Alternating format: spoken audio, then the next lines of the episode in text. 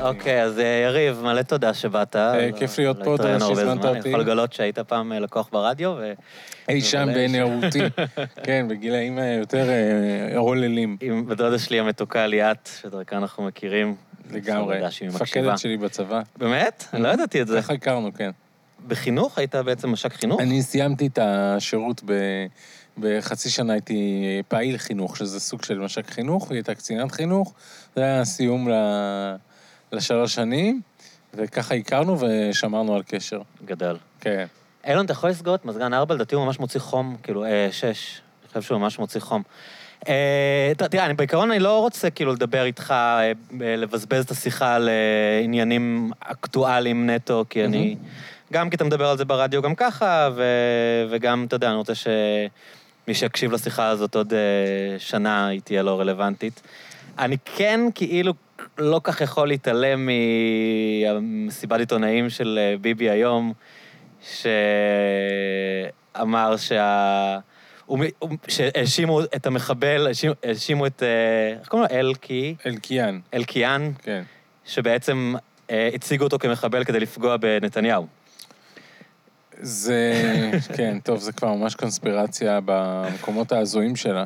העניין הוא שם שהייתה החלטה להיכנס לפינוי באמצע הלילה עם פלוגה של שוטרים שכולם חמושים, והם בתחושה שהם הולכים לאיזה כפר של חיזבאללה, כן, למרות שזה פינוי בתוך מדינת ישראל, כאשר במקביל להחלטה לפינוי, היה משא ומתן עם האנשים שגרים שם, עם השבט אה, באום אל-חיראן. והם לא רצו לעזוב, כי רוצים, רצו, רצו, רוצים להקים שם יישוב אה, יהודי במקום היישוב הבדואי. והם לא רצו לעזוב, והיה איתם משא ומתן, ולמרות המשא ומתן, ארדן, לדעתי גם נתניהו, היה בסוד העניינים, כאשר הם החליטו לפ, לפלוש פנימה ו, ולהתחיל בפינוי אלים, ומי שקיבל את ההחלטה להיכנס לפינוי אלים, בעצם הכשיר את הקרקע לסיטואציה הזאת. אז עם כל הכבוד לביבי הפסיבי והמסכן, שהעלילו עליו או השתמשו בו, אני לא יודע את כל הדברים האלה, בסוף מי שקיבל כנראה את ההחלטה היה הוא, וההתנצלות הזאת עם מניעים זרים, זה שמה, שמה השני של המהלך השקוף והעלוב הזה. כש, כשהם מגיעים חמושים, זה בעצם כדי ליצור מראית עין שהייתה התנגדות ולהפוך לא, את הם- הפינוי ליותר לגיטימי, או שהם באמת חשבו שהולך להיות... אה, ה- התפיסה הבסיסית של המשטרה ושל כוחות הביטחון זה שברגע שאתה מתמודד עם ערבים, גם אם הם אזרחי מדינת ישראל, אתה מתמודד עם אויב, כן. ולא עם אזרח. ראינו את זה מאומות אוקטובר, נהרגו שם אנשים, ראינו את זה כאן. כשמפנים מתנחלים, הם משאירים את הנשקים בבית. כן. כן. ובאים בלי, פי- גם בהתנתקות, גם בפינויים של מאחזים. מה שנקרא אמצעים המה- לפיזור הפגנות. כאילו. כן, או פיזית בידיים. גם בבלפור אתה לא רואה יותר מדי נשקים שלופים, השוטרים חמושים, אבל שם ראית ממש פלוגות של שוטרים ממוגנים וחמושים, וכשבן אדם מקבל אה, את, ה, את כל ההנחיות ואת כל התדרוכים כאילו הוא נכנס לשטח אויב, אז כן, אוטו שפתאום נוסע מהר נראה לו כסוג אגב, של יש מחבל. מחלוקת אם הוא נסע מהר בכלל. כן, אבל אני אומר, התנאים כבר בשלים לזה שמישהו כן, ימות. כן, ובשטחים זה קיים בלי סוף. זאת אומרת, בשטחים זה לא, לא מתייחסים לזה, אבל החיילים, כולל השירות שלי, אנחנו היינו לבושים כ, כ, עם, עם חגורים מלאים של חמש מחסניות, שזה להיתקלות ב, עם מחבלים חמושים, זה לא לתפוס ילדים שזורקים אבנים. וברגע שאתה לבוש ככה, ואתה מוכן לקרב עם, עם, עם רובה סער, אז הסיכוי שתעצור ילד ולא תירה בו אש חיה הוא יותר נמוך. אתה כבר, ה mind, אתה מהונדס ל, ל, לסיטואציה כזאת. אז בשטחים זה עובר. לא, אני לא יודע במקרה האחרון עם יעד, ה- כן. או- בדיוק. כן. וזה, וגם שם זה עוד שוטרים, אני מדבר ממש על יהודה ושומרון שזה חיילים בסדיר. אז שם זה עוד עובר, כי אף אחד לא אכפת לו, וכולם שם מפגעים בזה ואין על זה כן. גם. פה לאף אחד לא היה אכפת עד שביבי... אה, זאת אומרת, היה אכפת... היה אכפת, קודם כל נהרג נכון. פה שוטר. אז, Mm. אה, אז אה, זה כבר הפך את האירוע הזה להרבה יותר כן, מעניין אוקיי. מבחינת הציבור, ואז היה נהרג שוטר בגללם, ולקח הרבה מאוד זמן עד שהיה בכלל אפשר לדבר. איך השוטר נהרג? אה, כי ברגע לדע- שהתחילו לראות, אז... כן, אה, לדעתי מדוץ הוא נהרג. אה, נדמה לי. ירי של... אה. אה, או שהוא נדרס, אני צריך, ל- אני כבר לא זוכר. יכול להיות שהנהג איבד שליטה ודרס אותו, כאילו, אני לא זוכר. אוקיי. אה, רציתי לדבר איתך, אה, אנחנו כאן, אתה יודע, הסיפור הזה שיצא על ידי, אה, פורסם, עמית סגל פרסם אותו. אה, רגע, כן. המאזין שיאזין לנו בעוד שנה, תגיד, מצאו חיסון או לא? אתה יכול לעדכן אותנו. אמ, אני רואה בזמן האחרון, בגלל שהנושא הזה, אמרתי שאת את הסיפור הזה על ה... על הכאילו הטיוח בו, או לא כאילו, טיוח במח"ש, שבאמת לא, מאוד לא ברור איך הוא בכלל קשור לה, או שמנסים לתאר אותו כאילו הוא, הוא מכתים את חקירות נתניהו, שזה... אני, די מאמין שזה ספין שיעלם די מהר, ושהוא לא... כי באמת, אה, להערכתי אין כאן מים אה, בכלל, אבל הוא פרסם את הכתבה, את החשיפה הזאת בעצם, אה, עמית סגל. אני שם לב, בתקופה האחרונה, באולפן שישי, כמעט לא משנה מה הנושא שמדברים עליו, מאוד חשוב לו להזכיר את מה שהם קוראים פשעי אוסלו. כלומר, המקרה האחרון היה, נגיד, שדיברו על המטוסים של אבו דאבי, כן, ואז אני 35, ראיתי ואז את אמר, זה, אבל כן. אף אחד לא מדבר על האלף אה, רובים. נכון, אלף ש- הרוגים שנהרגו מהרובים אלף שהפלסטינים קיבלו כן, בהסכמי אוסלו. שאגב, ההרוגים רובם מתו מחגורות נפץ ולא מהנשק שצה"ל נתן כן, להם. הם מתו אחרי שאוסלו התפוצץ, ואחרי שהיה מי שחיבל באוסלו, האלף ההרוגים האלה. כן. והרובים היו שם כבר קודם, והרובים האלה, דרך אגב, היום מגינים עלינו ועל המתנחלים, כי הם חלק מהמשטרה הפלסטינית שעובדת יום וליל בשביל שיהיה שקט בגזרה, כך שזו תפיסה מאוד מגמתית, מאוד צרה ומאוד מעוותת של המציאות. אני, אני לא רואה את זה כתפיסה, אני רואה את זה כתעמולה. כן, תעמ- תעמולה שמשרתת תפיסת עולם, שהכיבוש הוא טוב, וה- וה- והניסיון לסיים אותו הוא רע. אז זה מעניין אותי לדבר איתך בתור מישהו שאצלי בראש מזוהה עם אוסלו, ועד היום אתה ביוזמת ז'נבה, נכון? נכון, אה, כן. ו-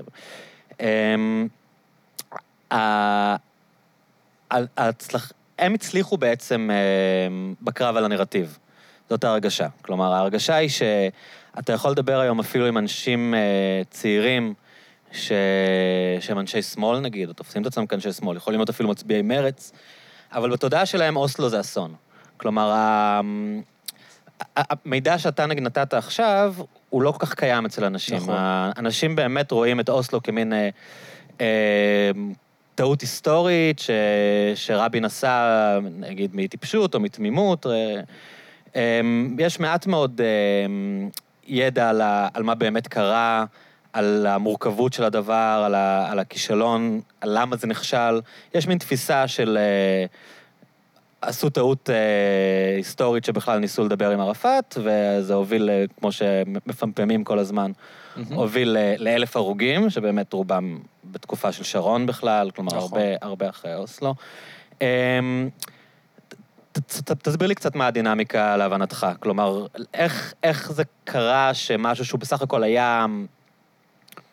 לא, לא, אף פעם לא בקונצנזוס מלא בחברה הישראלית, אבל נתפס, אפילו היה רוב בתקופה מסוימת של תמיכה באוסלו.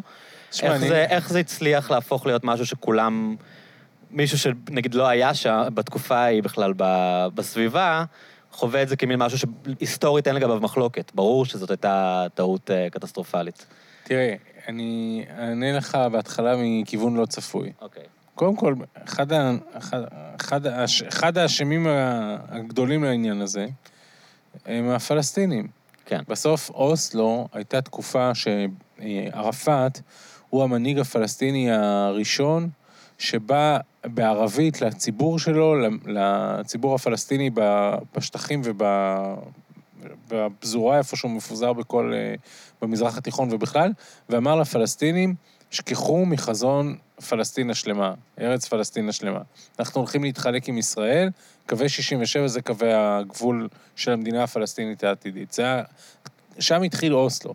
בעיניי, עד היום אין מספיק הבנה לדרמה ולמהלך הדרמטי וההיסטורי, לא, אפשר אפילו כמעט להגיד איזה בן גוריוני של, של ערפאת, שבא ואמר, הנה, אנחנו כן מדברים על לחיות לצד ישראל ולא במקום ישראל.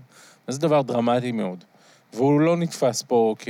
כי ישראלים לא הבינו שמבחינתם... הם לא הבינו זה, עד זה, כמה- זה ויתור, כי בחזון שלהם נכון. זה היה מדינה... הכל כן. היה פלסטין, ובעצם לוותר מבחינתם על רק חצי אנחנו מההתחלה. ויתרנו. כן. כן, זה לא חצי, זה 22 אחוז אפילו, מה כן. שנשאר לפלסטינים. אז זה דבר ראשון. אבל דבר שני, הטעות של הפלסטינים, אין מה לעשות. הס- הסכמי אוסלו לוו בהמון אופטימיות. בעיקר שבא ממדינות ערב, קצת מזכיר את מה שנתניהו מנסה לעשות עכשיו, השלום עם ירדן, פתיחת אה, נציגויות במפרץ, מרוקו. כבר אז, מרוקו, נסיעות של, של רבין ופרס לכל המקומות האלה. אז היה תחושה של שלום ואיזושהי כמעט אופוריה. ובמקביל, לא יעזור, את הסכמי אוסלו כן ליוו פיגועים מאוד טראומטיים, ותחושה קשה של היעדר ביטחון אישי. והטראומה שהימין מנגן עליה, היא קיימת, אי אפשר לקחת אותה. זה נכון שאם מסתכלים עמוק גם לנושא הזה, אתה רואה שהעסק הזה הידרדר ובעצם התחיל, פיגועי ההתאבדות, פיגוע ההתאבדות הראשון היה של ברוך גולדשטיין, נכון. מערת המכפלה, ואז הכעס הפלסטיני והרצון של חמאס להכשיל את ההסכם, והתמיכה שחמאס קיבלו מציבור מסוים להכשיל את ההסכם, והניסיון גם של הימין הישראלי וגם של, אה, של הפלסטינים לפוצץ את הסכמי אוסלו תוך כדי תנועה, שנגמר ברצח רבין. אז זה לא היה חד צדדי, אבל כן הייתה שם תקופה שלצד האופוריה והרצון לראות פה מזרח תיכון חדש, היה, הייתה מציאות קשה ועליה משח, משחקים ומנגנים. פעם, אני חושב שזה רון פונדק שנפטר, הוא אמר, אה, היה לו משפט שאמר, הסכמי אוסלו היה לקחת חולה במצב אנוש לחדר ניתוח. אתה מכניס אותו לניתוח, זה ישראלים והפלסטינים, וכל שנייה מישהו פותח את הדלת ומחבל לך במכונות ההנשמה, מושך לך בצינורות, אה, מזיק למ- למנותח. פעם זה היה ברוך גולדשטיין, אחרי זה זה היה מפגע חמאס, אחרי זה זה היה אה, אה, יגאל עמיר. כל אחד בא וניסה בעצמו לנתק את החולה ממכונת ההנשמה. מה שבמידה מסוימת הצליח, אבל לא, לא באופן מלא, כי היום הסכמי אוסלו תקפים. הם עובדה קיימת, מציאות קיימת. אנשים חיים על פי המתווה של הסכמי אוסלו. רק צריך לזכור שהסכמי אוסלו היו הסכמי ביניים, הם סוג של אה, צינור, תעלה, מנהרה בדרך להסכם קבע שמעולם לא הגיע. אז, אה, אז אני חושב ש... ואתה יודע, זה, כל מה שעניתי עכשיו, וזה רק עוד ההתחלה, זה לא sound bite של אולפן שישי. כן, זה מעצבן אותך שאתה רואה את זה באולפן שישי? מאוד. מאוד, כי אני... כי, כי הם לא עונים לו. כי הם לא עונים לו. ואני... ו, והיה היה אפשר... מספיק שמישהו היה עונה לו, כי ככה, ככה המדיום עובד, ברגע שלא עונים לו זה נשאר נכון. נכון. מספיק שמישהו היה אומר לו, אה, שטויות, בלה בלה בלה בלה בלה, מידע אחר, וזה היה, וזה היה מדופדף. אבל כשהוא אומר את זה ואף אחד לא עונה, אז הנרטיב הזה, וזה בכלל ההרגשה שלי, זה שהם הם יותר מחויבים למטרה שלהם בגדול. כלומר, אתה, אתה רואה את עמית סגל, אה, יש וידאוים כאלה של רצים שהוא ילד בן 12, כן, שמביאים מכיר. אותו לטלוויזיה והוא מסביר למה אוסלו זה אסון. הוא לא זז מילימטר והוא לא שוכח במה הוא עובד. בעוד שאנשים שאמורים אה, להגן על אוסלו, אה, חוץ ממך ועוד איזה כמה, הם לא אנחנו שם. לא בתקשורת, אנחנו לא עיתונאים. העיתונא... כן. הרי עמית סגל נהנה מהכובע שלו כעיתונאי. ולכן הפלטפורמות כל כך פתוחות וחזקות בפניו. אם הוא היה עוזב את העיתונות והולך להיות פוליטיקאי, הולך להיות אה, תועמלן ממש, או איש אה, עמותות ו... וחוץ פרלמנטרי, הקולות שלו היו פחות אה, משמעותיים. הוא, הוא, ואני מסכים איתך שרוב העיתונאים, לא תמצא אותם היום רצים להגן על אוסלו, לא תמצא את אותם אה, אה, אה, מנסים להגן על, הר- על הצורך להיפרד מהפלסטינים משתי מדינות וה, וה, והמאבק בהתנחלויות. אה, ואם הם כבר יעשו את זה, אז זה יהיה בצורה מאוד ממלכתית ומאוד אה, זהירה ומאוד מנומסת. אז אולי ת, תנצל את ה- את הפלטפורמה הלא אולפן שישית ולא הסאונד בייטית שיש כאן, אה, להסביר, לדעתך, באיזה מובנים הסכם אוסלו כן היה הצלחה. כי כמו שאמרת, אנחנו אנשים לוקחים כמובן מאליו את העובדה שיש אוטונומיה אה, פלסטינית מתפקדת, יש שיתוף פעולה ביטחוני, אה, יש איזה מין מחשבה ש... אם לא היה אוסלו, אז הפלסטינים לא היו מגיעים להתאבד. אתה יודע, לא, לא היו בעולם פיגועי התאבדות, והם לא היו מצליחים ליצור חגורות נפץ, והיינו חיים באיזו אידיליה של אה, לנגב חומוס ברמאללה. אז... זה, אה, זה, היה עוד פעם, נכנסתי, כן. לך, ל, לא. להסבר שאני רוצה שאתה תגיד, אבל... את- כן. האנשים לא יודעים, כי הם לא חיו פה, אז חלק גדול מהציבור הוא ציבור צעיר. הסכמי אוסלו לא התחילו out of the blue. זה לא שפתאום יום אחד אמרו, יאללה, בואו ניתן לפלסטינים מדינה ונקשיב שנייה לזהות הלאומית שלהם וייפתח ליבנו ונהיה טובים ונדיבים. זה לא מה ש... זה לא מה שהיה.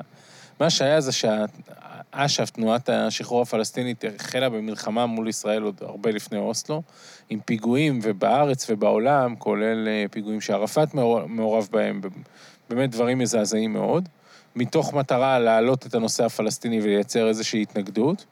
אה, אז זה בדרך כלל, אה, בישראל זה היה די, די התעלמו מזה, מה, מהדרישות הפלסטיניות, והייתה תחושה שהכיבוש הוא דבר שלא קיים. זאת אומרת, אתה באמת יכול לנסוע לבידה, זה היה כפר, עדיין כפר, בדרך לאריאל, ולקנות שם רהיטים, כל ישראל היו נוסעים שם בשבת. ואז פרצה האינתיפאדה הראשונה. שאף אחד לא חזה את האינתיפאדה הזאת, אבל זו אינתיפאדה שנמשכה אה, אה, שמונה שנים בלי שהיה אפשר באמת לעצור אותה. והייתה תחושה באינתיפאדה הזאת שלא יעזור מה נגיד, לשבור להם ידיים ורגליים, האמרה המפורסמת, אה, נשלח לצה"ל, כן. לא יעזור מה נעשה, לא יעזור מה נגיד, אי אפשר לדכא את הרצון של הפלסטינים לעצמאות. זה גם נתן פוש מאוד גדול לקוז הפלסטיני בחברה הישראלית. וכשיצחק שמיר, בסוף, אה, בסוף כהונתו, היו כבר דקירות ורציחות ולנה רף, והייתה תחושה שביטחון עצמי מתערער, ואז הגיע יצחק רבין בעצם... אה, אה, כשהוא מבטיח אוטונומיה כשהוא רץ. כשהוא מבטיח אוטונומיה, הוא מבטיח איזשהו הסדר עם הפלסטינים, כן. הוא בעצם מתייחס לסוגיה הזאת. וגם זה לא קרה מיד, אחר כך זה הבשיל תוך כדי המשא ומתן הסודי באוסלו, יחד עם, אה, עם האדריכלים משני הצדדים, שבסוף הובילו לחתימה על ההסכם. אבל לפני אוסלו לא היה פה טוב. היו פה אה, חיילים ישראלים שהסתובבו בכל הקסבאות, בכל הערים הפלסטיניות, שכם, רמאללה, ג'נין, טול כרם, כל המקומות האלה. ישראל הייתה מחויבת לדאוג לפלסטינים, לבריאות, לחינוך, לכל המערכות האזרחיות. המינהל האזרחי היה סוג של מפלצת, וזה לא היה ביטחוני, וזה לא היה אה, דמוקרטי, וזה לא היה ציוני. ועשו את זה כי פשוט לא, לא הרגישו שזה... יש לזה מחיר. כן, וברגע שהאינתיפאדה הראשונה זעזעה משהו מאוד משמעותי בחברה הישראלית, ודחפה לכיוון של הבנה שהם צריכים לגור במקום אחד, אנחנו צריכים לגור במקום שני, ו... ו... והם צריכים לקבל, הם צריכים, צריכים שתהיה להם, לא צריכים לקבל טובה מאף אחד, שתהיה להם מדינה פלסטינית עצמאית וזכות להגדרה עצמית. וזה ה... הסכמי אוסלו. הסכמי אוסלו בעצמם, הביאו גם את עצירת האינתיפאדה הראשונה, הם הביאו אה, הבנה עמוקה בצד הפלסטיני, שחזון המדינה השלמה כנראה לא יתממש.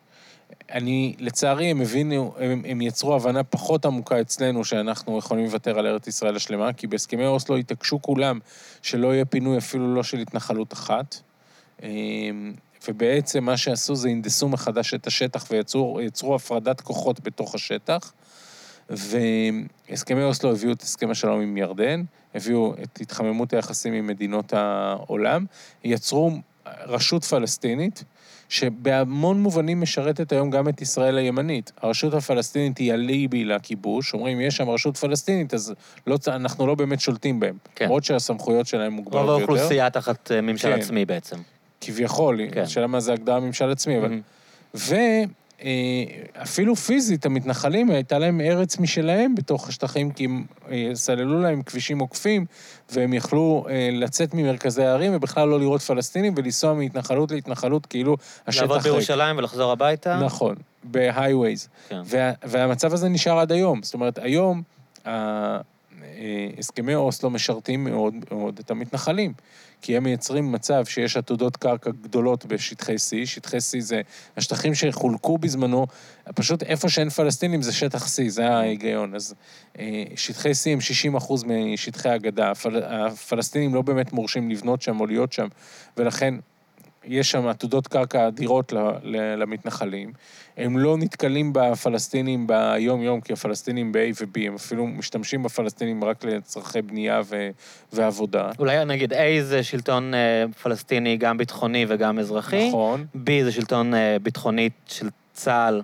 ושלטון אזרחי פלסטיני, נכון. ו-C זה שלטון מלא של ישראל. נכון, כאשר A זה מרכזי הערים הפלסטינים, הכפרים הפלסטינים, B זה בדרך כלל הסביבה של אותם כפרים או אזורים שמחברים ביניהם, ו-C זה שטח ש, שבעצם כל היתר, ש, שזה 60 אחוז מהגדה, זה כולל את בקעת הירדן ברובה, זה כולל את, אה, את, כל, ההתנח, את כל ההתנחלויות. הרעיון היה רעיון טוב, אני יכול להבין את, ה, את כנות הכוונות של מי שעשה את זה, הוא אנחנו לא רוצים לפנות התנחלויות, כך שנקטין את הקרע בציבור וגם לא נייצר אה, אה, מראית עין של הסכם קבע. כי אם אתה מפנה התנחלות, אז את ההתנחלות שלא פינית אתה בעצם משאיר, ואז אתה בעצם אומר, זה קו הגבול שלי. אז את זה לא רצו לעשות. ולא רצו גם לייצר עוד ועוד התנגדות בתוך ישראל, אז אמרו, את נושא פינוי השטחים והגבולות הקבע נשמור לה, להמשך. זה סוג של הסכם הפרדת כוחות, בשביל שהסטטוס קוו ייראה אחרת, ושלפלסטינים כבר תהיה אפילו תחושה או, או הכנה למדינה. ו... והיום הפתרון הזה, שהוא היה אמור להיות פתרון ביניים, כפתרון קבע, הוא משרת את, ה... את מי שרוצה להמשיך להחזיק בשטחים, כי הוא אומר, הפלסטיני, בתוך הבית שלו יש לו עצמאות, הוא יכול לשיר את ההמנון בסלון ולהניף שם את הדגל. ברגע שהוא יוצא מהבית שלו, רוצה לבקר את החבר שלו, הוא עובר בצד ישראל. ברגע שהוא רוצה לבנות או להרחיב את הבית שלו, הוא לא יכול כי הוא מוקף בשטח ישראלי. בעצם השטחי C חונקים את, ה... את שטחי A ו-B ולא מאפשרים התפתחות נורמלית של חברה, של מדינה. וזה מאוד נוח למתנחלים. אז כל מי שמדבר היום על נגד הסכמי אוסלו, כולל נגד הנשקים שהפלסטינים קיבלו, זה הנשקים ששומרים עליו יום ולילה, וזה ההסכם שמאפשר לו, לצערי, כי הוא נעצר, הוא לא הבשיל לכדי הסכם קבע, הוא מאפשר את הסטטוס קוו הכל כך נוח הזה. חלק מהנרטיב שהתקבל והשתרש בחברה הישראלית הוא בעצם שהפלסטינים נושאים בקרוב ל-100% מהאחריות על הכישלון של התהליך הזה. כלומר, אנחנו באנו בידיים נקיות, עם כוונה, אה, עם כוונות טובות, עד שהם החליטו, אה, הונו אותנו או משהו כזה, ו, ופנו לאלימות. אה, אני מניח שאתה לא רואה את זה באופן כל כך שחור לבן כזה. לא, אני לא רואה את זה שחור לבן. אני כן אמרתי, יש אחריות לפלסטינים. כן. והעובדה שכל תהליך השלום לווה בכל כך הרבה דם בצד שלנו, פיגועים מזוויעים, בעיקר של חמאס אז, זה לא נקודות לזכותם. יש פה שניים, גם, גם להצלחות ולפריצות הדרך וגם לכישלונות. ואני חושב שמה שמאוד הפריע לישראלים זה, זה, זה בעיקר האינתיפאדה השנייה, והתחושה היא ש... והנרטיב הגם שקרי שהצענו להם מקום וקיבלנו אינתיפאדה שנייה, אבל כן הייתה אינתיפאדה שנייה שבין היתר, כוחות שהיו אמורים להיות ביחסי שלום איתנו, הפכו את עורם ונאבקו בנו. בין היתר כי הם רואים את זה בדיוק באותו האופן אלינו. הם חשבו שאנחנו בדרך למדינה פלסטינית, שאנחנו רוצים שלום, ופתאום נתניהו עולה לשלטון, מפרק את הסכמי אוסלו, ברק מגיע לשלטון, מתנהג כמו פיל בחנות חרסינה, בעצם אה, הופך את ערפאת בדקה אחת מפרטנר לאויב, ומייצר מצב אה, שמוביל בסוף לאינתיפאדה שנייה. אז יש לנו גם צד, אבל גם הם צד בעניין הזה. והשבר האמון הזה, והתחושה בעיקר האישית, שאני לא מזלזל בה, של היעדר ביטחון אישי, זה צלקת שיש מי שמנגן עליה וימשיך לנגן עליה, כל עוד אה, יש לו אה, כיסא באולפן שישי. אולי אה, לפני שנתקדם עם השיחה, ת, תנסה לתאר לי מה, מה ה counter narrative, איך, איך הפלסטינים רואים את הכישלון של, של אוסלו? הפלסטינים חושבים שבאוסלו עבדנו עליהם. Mm-hmm. הם חושבים שבאוסלו אה, אנחנו בעצם אה, לא תכננו אף פעם לפרק את ההתנחלויות, או אפילו להפסיק את הבנייה בהתנחלויות, ושאוסלו היה דרך לסגור אותם בשטחי A ו-B, ובעצם לייצר מהסכם עם הביניים הסכם קבע. הם אומרים, הסכמנו ללכת להסכם ביניים, ועשינו טעות כי הביניים נשאר קבוע. ובעצם אה, תחמנתם אותנו, לא עמדתם בהסכמים.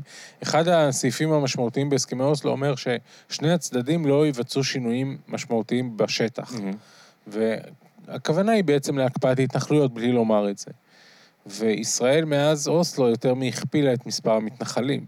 אמנם יותר בהתנחלויות בגושים, מה שנקרא. אבל עדיין, וגם אתה יודע, שפלסטיני, פעם הוא אמר לי את זה, אני יכול, זה, אני מצטט מישהו שאמר לי, זה לא שאני חושב שזה מה שקורה. אמר לי שאנחנו עושים באוטו ואנחנו רואים עוד גג אדום ועוד התנחלות ועוד בית ועוד בית, מקיפים אותנו, ופותחים את הטלוויזיה ורואים את המנהיגים מדברים על שלום, זה פשוט לא הגיוני, יש פה איזושהי בעיה. ולכן... אה, הייתה תסיסה מהשטח בעצם אה, מול, מול, מול ההנהגה? אה, לא, לא יודע אם... מי שעשה את הפיגועים ואת כל זה, זה היה חמאס. שהתנגדו מלכתחילה. שהתנגדו מלכתחילה. כמו הימין הישראלי, היא כן. כמו יגאל עמיר לצורך העניין, כן. בדיוק אותו דבר.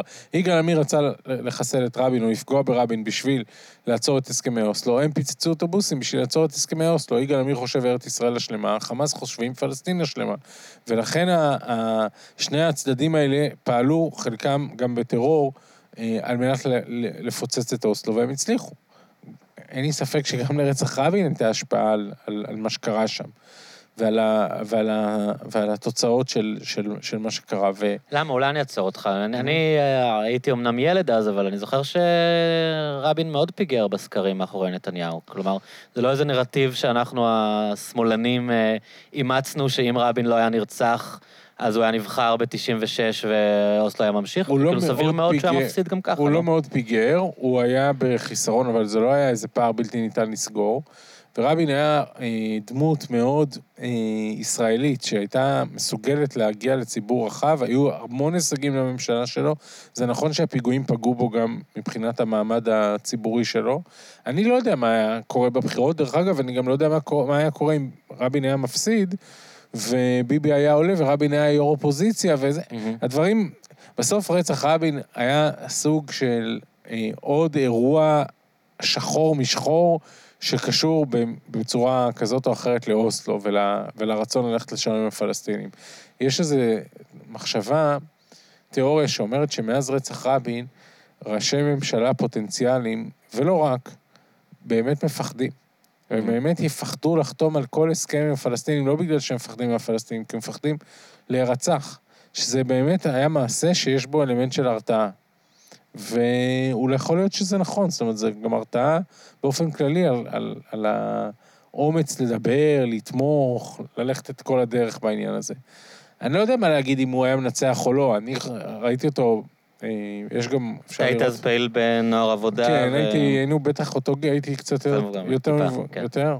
כן, הייתי פעיל גיל 15, 16, אבל יש רעיונות שעד היום אפשר למצוא ביוטיוב של רבין בתוכנית מוקד, בערוץ הראשון, והוא מדבר חזק, כן. והוא מדבר משכנע, והוא נותן בראש. כריזמה. לא, של פרס לא היה. וישראליות, כן. וביטחון עצמי, ו- ו- ובאמת בגרות ובשלות, אני לא בטוח שהוא היה... זאת אומרת, אני די בטוח שהיה מנצח את ביבי.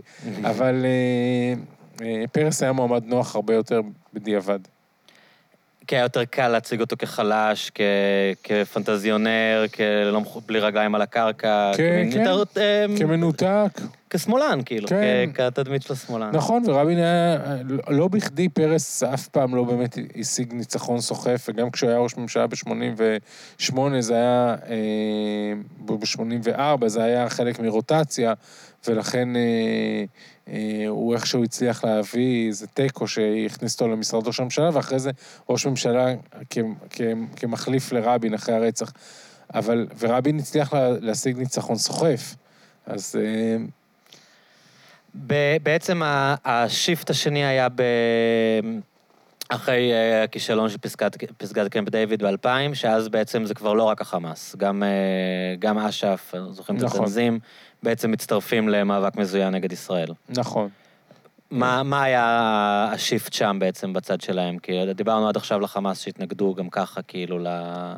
הייתה, הייתה אצלם תחושה שישראל מפרקת את כל ההסכמים, שזה התחיל בעלייה של אריאל שרון להר הבית, ואז גם צה"ל התכונן מראש למלחמה, ואירועים קטנים, התייחס אליהם כאילו מדובר במלחמה, אני הייתי, אז וזה חייל, אני הייתי אז חייל בסדיר, ואני זוכר שהייתי במפקדה של אוגדה, ואני זוכר שצה"ל כל הזמן הת- התכונן לתרחיש ש... שיהיה עימות מזוין. כלומר, כן, הנחת וזה- יסוד היה שמתישהו נתחיל לראות, ויש אה, טענה שמעניין אותי אם אתה מסכים איתה, שבעצם לא הייתה לפלסטינים כוונה ללכת לסכסוך אה, אה, כל כך עז כמו שהיה, אלא הם היו איזה שהן הפגנות שהתגובה... כן. הם, יגידו מוגזמת של צה"ל, גרמה לאיזושהי הידרדרות, והם לא... כן, מה זה מיליון... מיליון, קליעים. שצה"ל ירה מיליון קליעים בתקופת האינתיפאדה השנייה, ובעצם אה, היא, הרי בסוף זה תוצאה, זה אירוע, סיבה ותוצאה. בסוף אם אתה הורג אנשים בהפגנות, אז ההפגנות הבאות יהיו יותר אלימות, ואז גם הפלסטינים יגידו, רגע, אם צה"ל בא עם נשק חם, גם אנחנו צריכים לבוא עם נשק חם. כי אנחנו צריכים להגן על ביטחון האנשים שלנו. ואז זה מתחילה מלחמת, באמת הקטסטרופה שאפשר לדמיין, שבה... אלף הרוגים. שעמית סגל מדבר עליהם. נכון, למרות ש... כן. אני חושב שכשהמתנחלים מדברים על אלף הרוגים, או שהימין, אנשים מיד אוטומטית קופצים דווקא לפיגועים בבית ליד, בקו חמש בדיזינגוף, באותם פיגועים בתקופת אוסלו טרם הרצח, פחות אני חושב למה שקרה אחרי זה. על מקסים, כן. על מלון פארק, נכון. על הפיגועים בתקופה של כן. אריאל שרון, כאילו... אה, לפני חומת מגן. אז, אה, אז, אז זה, זה הקונוטציות. אבל... שהם אה, יותר, צריך להגיד, זה כמויות הרבה יותר גדולות. במהלך האינתיפאדה השנייה, מאשר נכון. בתקופה של- בתקופת אוסלו היו פיגועים מאוד, מאוד מתוקשרים, מאוד ויזואליים, מאוד מחרידים, כן. אבל מבחינת מספר גם ההרוגים... התיעוד הטלוויזיוני אז היה, עוד לא היה שום עת, כאילו איזושהי כן. אתיקה תקשורתית נכון, ממש צילמו לא חלקי את. גופות כן, ב... למרות שגם בלי הקלוז-אפ של הגופות, זה באמת, זה... אין מה לעשות, אוטובוס מתפוצץ כן. בלב דיזנגוף, זה כן. היה דבר בלתי נתפס. בטח. ו... וזה נצרב מאוד בתודעה, עוד פעם, בין היתר, בין, בגלל הפער בין הטקסים.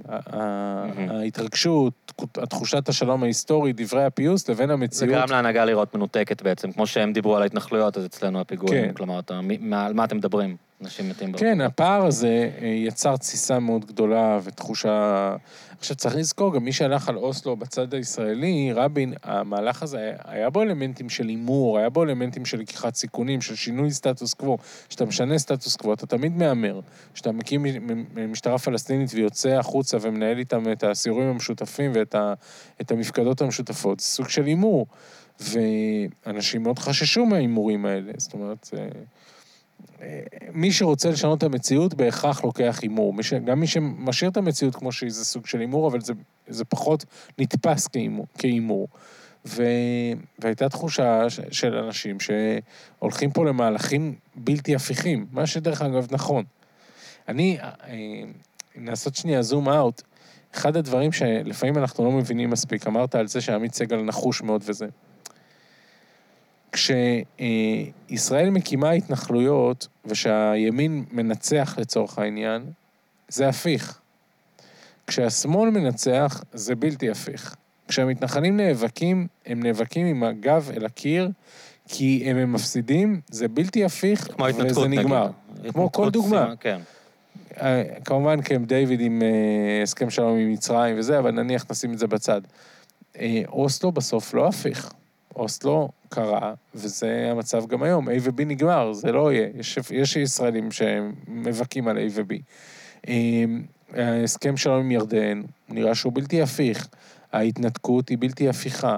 ההתנתקות היא פינוי גם מ- מ- מעזה, אבל גם מצפון השומרון. אף אחד לא באמת מדבר ברצינות על להחזיר את ההתנחלויות בצפון השומרון.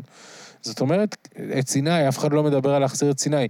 לבנון, חזרנו לגבול הבינלאומי בלבנון, ולא, ואף אחד לא מדבר היום לכבוש את רצועת הביטחון מחדש. זאת אומרת, כל פעם שישראל נסוגה לקו הבינלאומי, זה בלתי הפיך. end of story. אין יותר מאבק על זה. זה, זה ירד מסדר היום. ולכן כשהמתנחלים נאבקים על ההתנחלויות, שמה שנשאר להם לצורך העניין זה ההתנחלויות בגדה, וגם נניח הגושים נשארים, אז בסוף זה מאבק מאוד די מצומצם על, על התנחלויות קטנות ומבודדות, זה זה. בלי זה, הזהות האידיאולוגית, השבטית שלהם, הציונית, הדתית שלהם, אה, משתבשת לחלוטין. ולכן לכן הם בהרבה מאוד מובנים עם הגב לקיר. אנחנו יכולים לראות כל יום שבונים התנחלות, ולפחות לקוות שזה זה, זה הפיך. אתה תופס את, ה... את המוטיבציה, שבאמת אי אפשר להתכחש אליה, המוטיבציה המאוד גבוהה שלהם, המחויבות שלהם, זה נתן לנו דוגמה אנקדוטלית של עמית סגל, אבל זה מייצג בעצם תנועה של אנשים שהם... אה, עכשיו היה את הסרט על אולמרט, אה, לא יודע אם יצא לך עוד לראות. לא ראיתי, ראיתי קטעים. אבל אה, הראו שם את ההתארגנות של, עוד פעם, אני לא יודע אם זה הגזמה או לא, אבל התארגנות של אנשי ארץ ישראל השלמה בעצם לחסל את אולמרט בכל דרך אפשרית מהמם. כדי למנוע פינויים נוספים, והטענה של הסרט זה שהם בעצם אספו הרבה חומרים מן היקב ומן הגורן כדי להעביר למשטרה, כדי שמשהו יצא ולהיפטר ממנו. אה, אבל לא משנה איך תסתכל על זה, יש מחויבות, ההרגשה היא שהם מאוד מחויבים למטרה. אה, אתה תופס את זה, אני פשוט, אני, אני אשתף אותך, אני הרבה, הרבה פעמים חשבתי שזה בא מתוך איזה, תקופה ארוכה חשבתי שזה בא מתוך איזה להט משיחי. כן, דתי. אמ, האמת שהערכתי כאן אה, פודקאסט מאוד מומלץ, את יאקי אפשטיין, אני לא יודע אם אתה מכיר אותו ממקור ראשון. הוא, אוקיי. הוא גדל בבני עקיבא, והוא אומר שהדיבור הזה על משיחיות זה קצת, אה, השמאלנים המנותקים אה, כן, מתייחסים אני לא אליהם יודע אם הם כמשיחיות. חושבים שמחר יגיע המשיח, אבל הם כן רואים בזה סוג של איזו הגשמה אה, ציונית דתית. נכון, אבל מה שעניין אותי זה עכשיו שאתה תיארת, הם בעצם נלחמים על, על עתיד התנועה, על הקיום שלהם כ, כסקטור, כי אתה יכול אולי לחשוב על זה, על המאבק של החרדים נגיד נגד גיוס, או נגד השתלבות בחברה החילונית. כאילו, הם, הם, הם יודעים שהם צריכים לשים את הקו איפשהו, כי אחרת מאוד יכול להיות שכל המובמנט עצמו יקרוס, ואיפשהו כן. כאילו ברגע שאין גדה, כולם חוזרים לישראל, אז ה... ההשתלבות של, של האנשים משמעית. האלה בחברה הישראלית אה, יכולה משמעית. להיות סוף התנועה אני חושב בעצם. שאתה מזהה את זה בדיוק. אני, אני חושב שההתנחלויות והרצון להיות ב, ביהודה ושומרון, וגם בהר הבית ובכל המקומות הרגישים האלה, זה אה, סוג של איזה עמוד שדרה אידיאולוגי שבלעדיו הם יהפכו להיות סקטור לא מעניין, לא לעומתי. חילונים עם כיפה שעובדים או, בהייטק. או ו- אנש- אנשים דתיים, דרך אגב, כן. עם, חלקם עם גישה מאוד סוציאליסטית, למרות Mhm. שהיום ההנהגה שלהם היא קפיטליסטית, כן. ו, ו, ו, ולא משפיעים. Mhm. הרי הם התאהבו ברעיון ההתנחלויות אחרי מלחמת יום כיפור, כי הם הרגישו שהם לוקחים את העגלה הריקה של החילונים שהיו שבורים בגלל המלחמה וזה, והם ממלאים אותה בתוכן חדש, שהוא גאולת ישראל ביהודה ושומרון, וזה אה, פאר היצירה, זה הדבר שהם הכי גאים בו. הם, הם היום הקטר שמוביל את מדינת ישראל, הם חיל החלוצים החלוץ של החדשים. הציונות. הם כן. התנועה הקיבוצית החדשה. Mhm. וכשאתה. מוציא את זה מהם, אתה יודע, מה מבדל אותם? מה נשאר להם להתגאות? במה הם, מאמינים? זה, זה, זה, זה עמוד שדרה אידיאולוגי זהותי מאוד מאוד משמעותי. כש, כשהם יודעים שאם הם יפסידו, זה for good, הם לא חוזרים. וזה אה, מבחינתם מאוד מאוד בעייתי. עכשיו, אתה יודע, זה, אנחנו מתארים את זה כמעט בצורה רומנטית, הם מוכנים, חלקם, המיעוט שבהם, מוכן גם למות על הדבר הזה, הוא מוכן שאנחנו נמות על הדבר הזה. אה, חיי אדם פה זה, זה כלי בדרך להשגת ההגמוניה הזאת. והסיפור הזה הוא, הוא, הוא מה שמייצר אצלם את ה... אני חושב, את התחושה שזה להיות או לחדול, ואז הם כל כך אוריינטד לזה. וכשאתה חוזר לאול- לאולפן שישי ואתה מסתכל על האחרים, האחרים מעניין אותם עוד נושאים. כן. הם... אה, זה לא כל כך בנפשם, רק הנושא של ישראל, פלסטין, סיום הכיבוש, וזה כמו שבנפשו של עמית. וזה בעצם קצת מה שקרה, לא באינתיפאדה השנייה, שכאילו המיינסטרים, ה-so called שמאל מרכז, אמר, "אה, טוב, אז לא משנה. לא, זה קצת הרגשה, כאילו... לא, אה, אני, אני לא חושב שאמרו לא משנה, אבל אמרו, תשמעו, העסק בוער. אה, לא, לא הייתה תשובה ברורה לטענת הימין, Mm. שהנה, שמחנו עליהם וחט... ואנחנו חוטפים.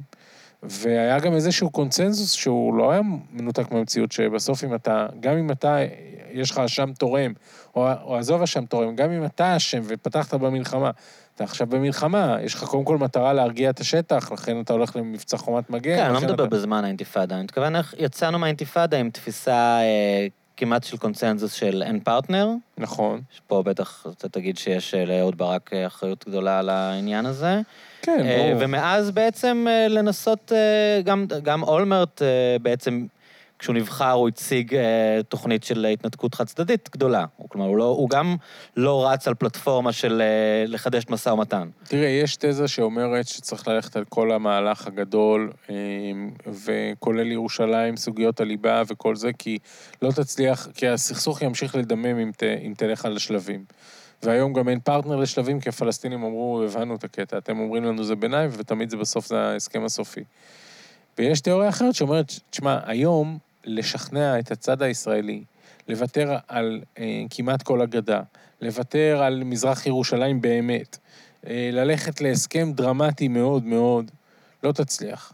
אז תעבוד בשיטת השלבים. תגיד להם, בואו נפרק עכשיו כמה התנחלויות מחוץ לגדר.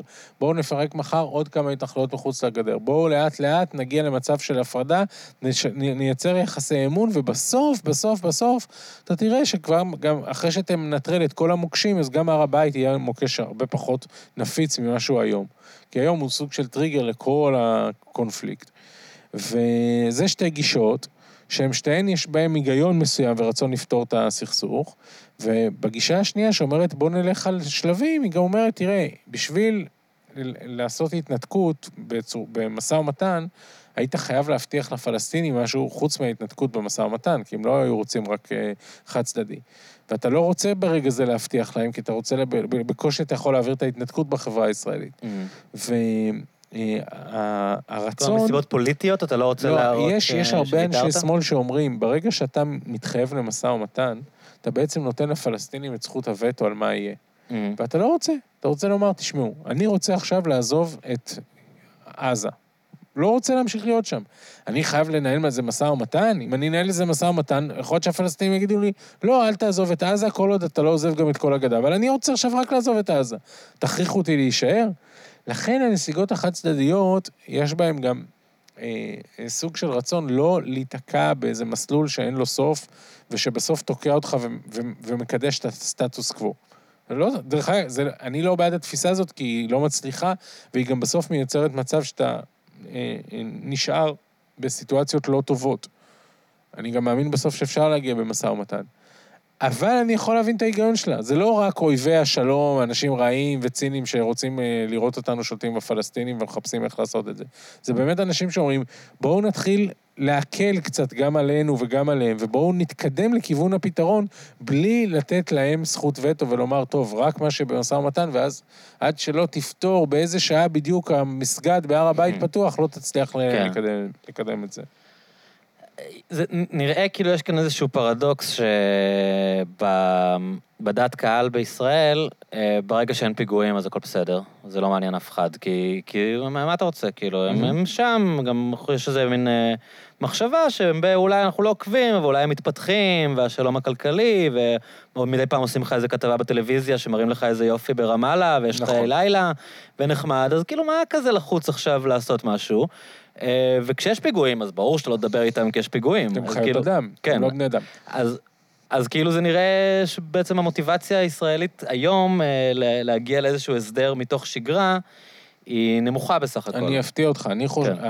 השיקולים הביטחוניים הם בוודאי יכולים להכריע גם בעד וגם נגד, ומשבר ביטחוני בטווח המיידי הוא מייצר, וזה אני אומר מבוסס על סקרים, הוא מייצר רתיעה כן. ותחושה שברור שאסור לוותר סכנת נפשות, ולטווח הארוך הוא מייצר הבנה שיש בעיה. Mm-hmm. כי בלי, בלי, בלי מצב ביטחוני רעוע, אין תחושה שיש בעיה. כלומר, הכל טוב, הכל נהדר. סוס, אדם רוכב על סוס, והם שניהם חיים בדו-קיום, זה, זה מצוין. אבל אני, אני אפתיע אותך בזה שאני, דעתי, שהנושא הביטחוני הוא משמעותי והוא יכול לעזור. אני חושב שבסוף מה שיוציא אותנו מהשטחים זה הנושא המוסרי. אני חושב שהקושי הכי גדול של החברה הישראלית הוא להתמודד עם המראה המוסרית. אני יודע שכאילו המושג הזה, מוסר וזה, יש אנשים שחושבים שזה ליפי נפש, וזה לא אה, תופס מבחינת דעת הקהל.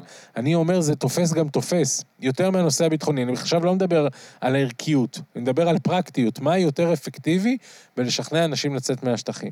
אני אומר לך שיותר אפקטיבי לשכנע אנשים לצאת מהשטחים, ההבנה המוסרית שמה שאנחנו עושים שם הוא בלתי ראוי. זה יותר אפקטיבי. יש לי אין ספור דוגמאות. הדוגמה הכי משמעותית זה אלאור עזריה. אלאור עזריה זה פרשה ש... טלטלה את המדינה, mm. והיא לא פרשה ביטחונית.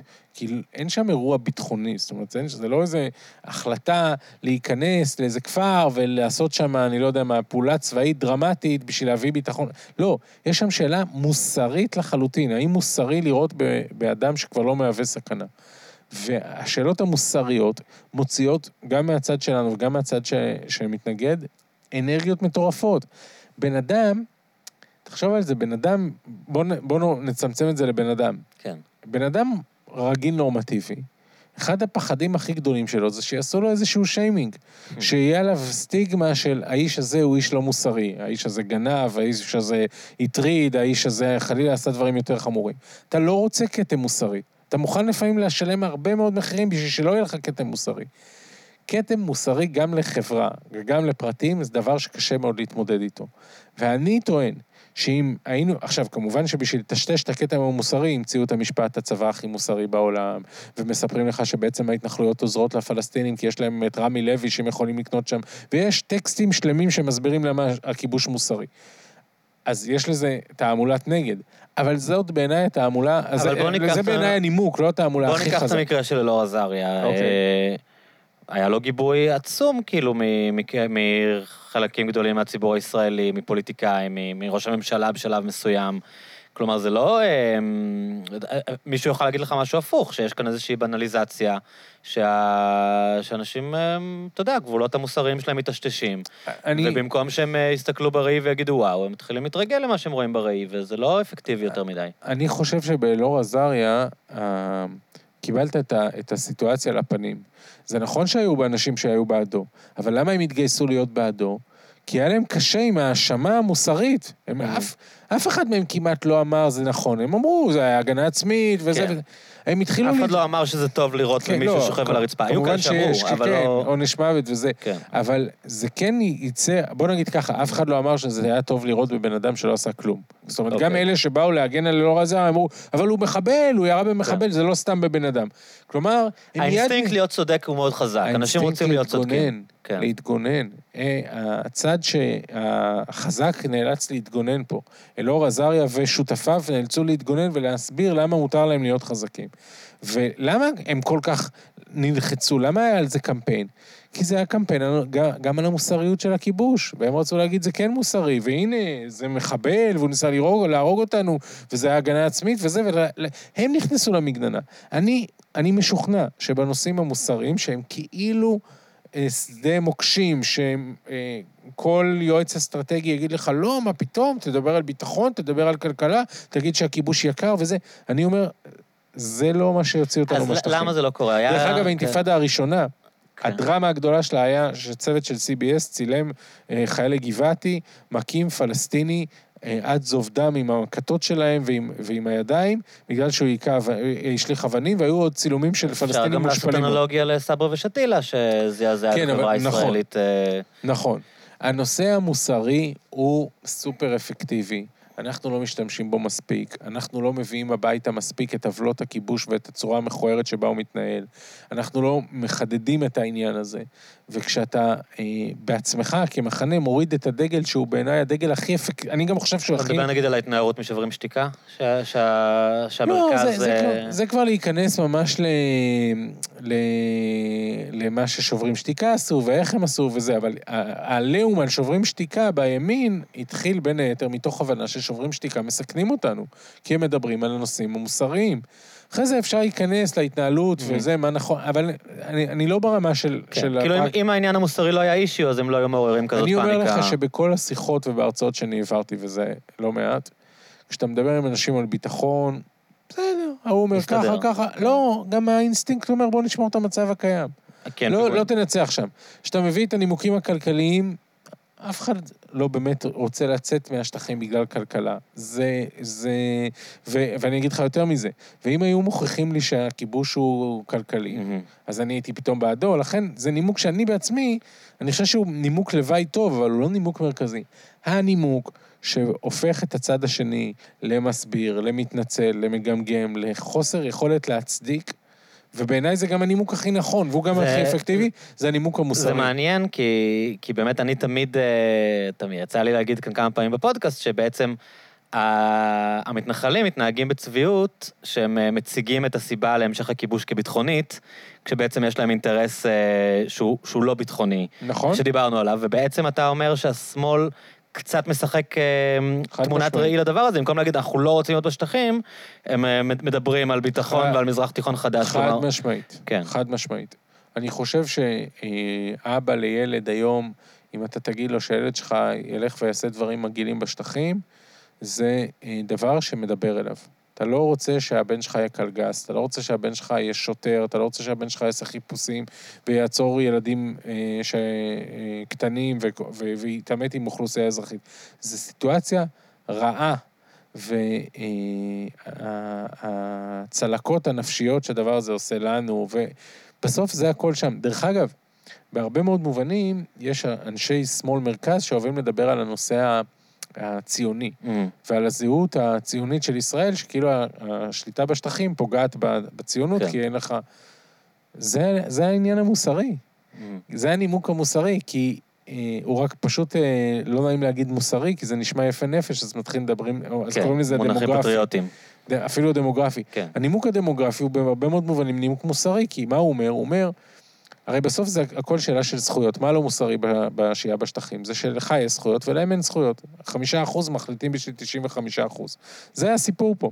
אם כל הפלסטינים מחר יקבלו תעודת זהות ישראלית ויצביעו, השיקולים המוסריים הולכים וקטנים פה. זה נכון שלא נותנים להם את הבחירה ולא נותנים להם את ה...